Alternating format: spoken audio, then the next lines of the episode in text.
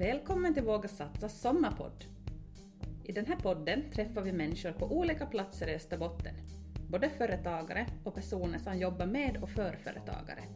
Det som också är gemensamt är att man tänker lite extra på sommaren då man träffar personerna i Sommarpodden. Jag heter Sofia Sundholm.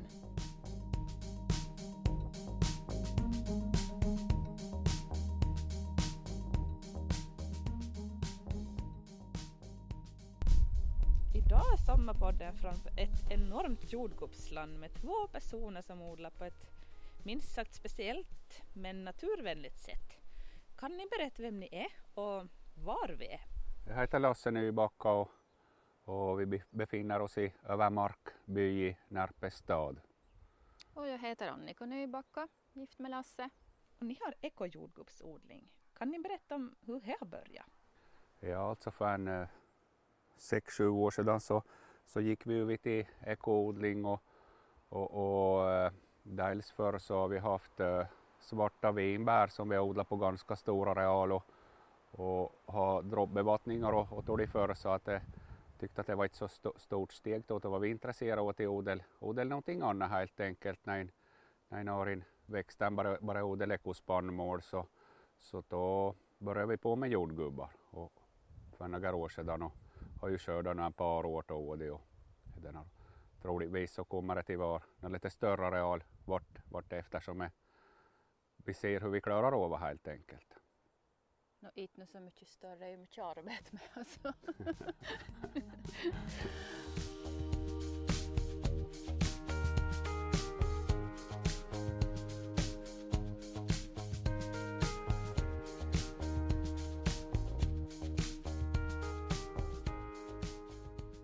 många är ni som jobbar här?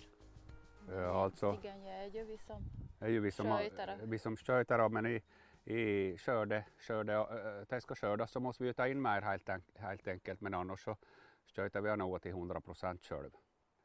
Allt från planteras och bed, bed, bäddar, bäddragning och allting och, och det, men, men just skördearbetet så här klarar vi ut då för att det går ju så mycket tid åt till sortera och pack, pack så att och, och föra in i kyl hela tiden så att eh, då måste vi nog alltid ha utomstående hjälp som hjälper till. Vad är skillnaden mellan att vara konventionell odlare och ekoodlare? princip syftar ju båda, ett, båda, odl, bo, båda odlaren ett samma sak men, men är ju kanske en lite mer utmaning att ha eko för dels så ska man ju ha vara bra förberedd för hur man planterar för att få bort alla fler, största delen av fleråriga ogräs och dels så, så, så är ju här att eh, plantor och torr, så ska ju, är ju bara till lufttelefonen och beställa utan det ska ju tagas, beställas i lång tid för för att få ekoplantor för ju begränsat utbud och så är ju allt med skadeinsekter och, och, och svampsjukdomar och allting som, som är på helt annat än konventionellt. Det är bara att gå till närmast lantbruksaffär och ta preparat och köra ut. Mycket plantor har vi ju tagit fram själva som tar Jo. ju sticklingarna och laga egna plantor. Så det har ju- varit jättemycket arbete med. Jo, drev upp egna plantor stor del nu. För att det är ju att när man håller på med eko så är ju som med allt annat med eko så är ju flera gånger kostsammare eller dyrare allting än konventionellt. Här runt jordgubbslandet så ser man att ni har många bikupor. Kan ni berätta om hur ni har kombinerat odlingen med de här bina? Ja, ja vi, vi, Jag, jag såg ett program från TV först. Det var om några odlare från Sverige i tredje generation. De har humlor var väl. ja, Så jo, började jo. vi funda på det. Men kom underfund med att det ger ju inte så lång levatid. Så då började vi funda på det igen. Så då- då- tog vi kontakt med en odlare och köpte. Jag ser var ju här att eh, vi, vi läste just till det då att det fanns ju Mm. biologiska bekämpningsmedel som, som bin kan föra ut på ett ganska enkelt vis. Och, här, och, och dels så bin så är ju bra åt uh, all bärodling, eller det eh, behövs ju pollinerande insekter åt alla växter. Annars lämnar vi utan mat. Så dels så ska ju pollineras grymt bra i en jordgubbsåker och krävs mycket bi i samhället för att han ska vara ordentligt pollinerad och dels så använder vi det för att föra ut biologiska preparat helt enkelt under blomningen. Så till det så använder vi bin och så är det nu som trevligt i arbete med och tycker vi så det tycks ju bara vara mer och mer åt det. Ja, det är rådgivande är det bin och så kommer det biprodukter som honung till exempel. och Så är det Ja. som är trevligt. trevligt arbete. Hur har det bekämpningssättet fungerat tycker ni? Det fungerar bra. Jag tycker att det har fungerat grymt bra. Alltså är ju ogräsen som är stora problemet och i, i fjol så hade vi ju ganska mycket ogräs men då, då körde vi ju, eller Annika körde och rensa, rensa mycket för hand och ogräs före vi började skörd som nässlor och, och torddenar. Men nu har vi ju bra under kontroll men nu är ju dels är vi ju rädda att i fjol så var det ju grymt varmt och torrt.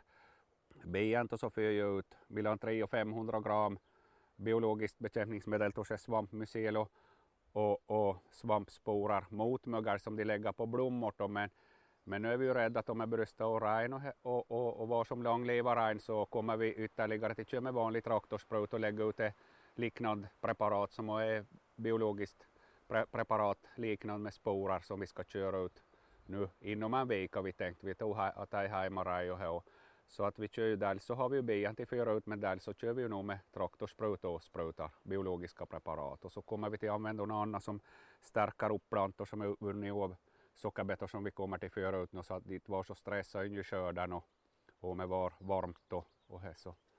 Så vi provar lite olika alternativ. Men hittills tycker vi att det har fungerat grymt bra och är ju inte problemet idag utan det finns ju utbud av ekologisk preparat som är godkända inom ekologisk odling. Allt från gödsel till växtskydd.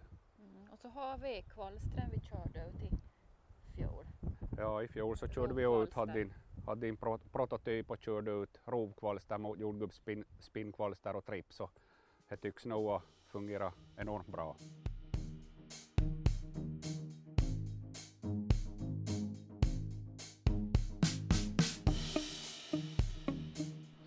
Intresse ut i Österbotten för det ni håller på med? Är det någon som har hört av sig?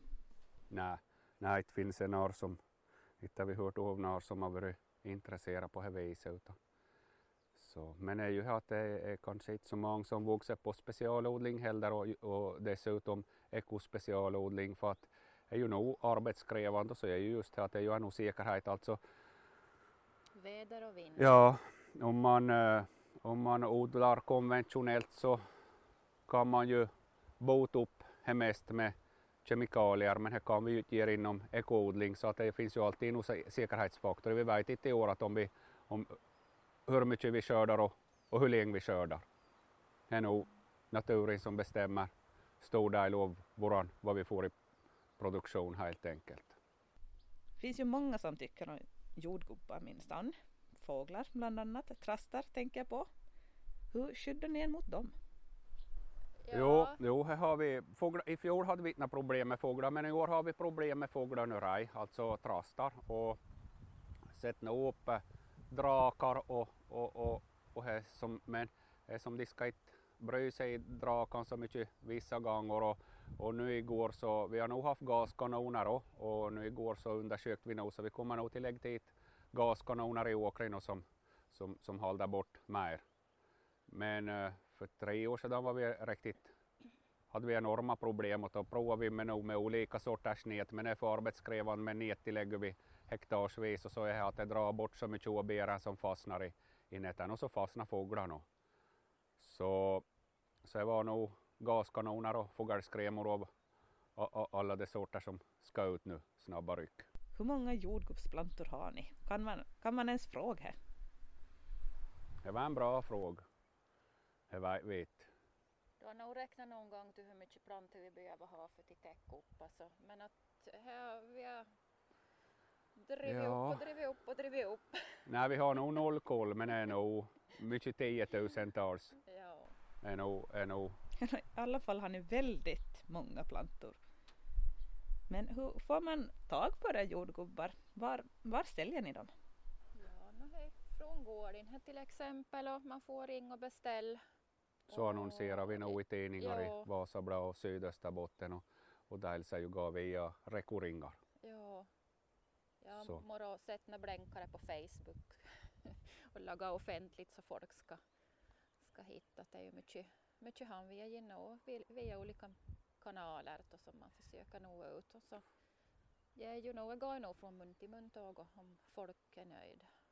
Men hittills har vi inte haft några problem med det till, till slipp på med, med vår produkt utan det har varit bra efterfrågan och omtyckt och, och, och vi hoppas ju att det ska som fortsätta att, att det är så liksom. Men, men är ju att vi kan ju som, fast vi har ekon så vi tar inte mycket höga pris än, konventionellt, vi tar lite höga pris men, men egentligen ska man ju vilja ta höga men man vill ju slippa med bära så att Jo, vi har ju inte så stor skörd på det viset utan att vi egentligen få, få såld som, som har jo. kommit in och att, att har gått åt sig.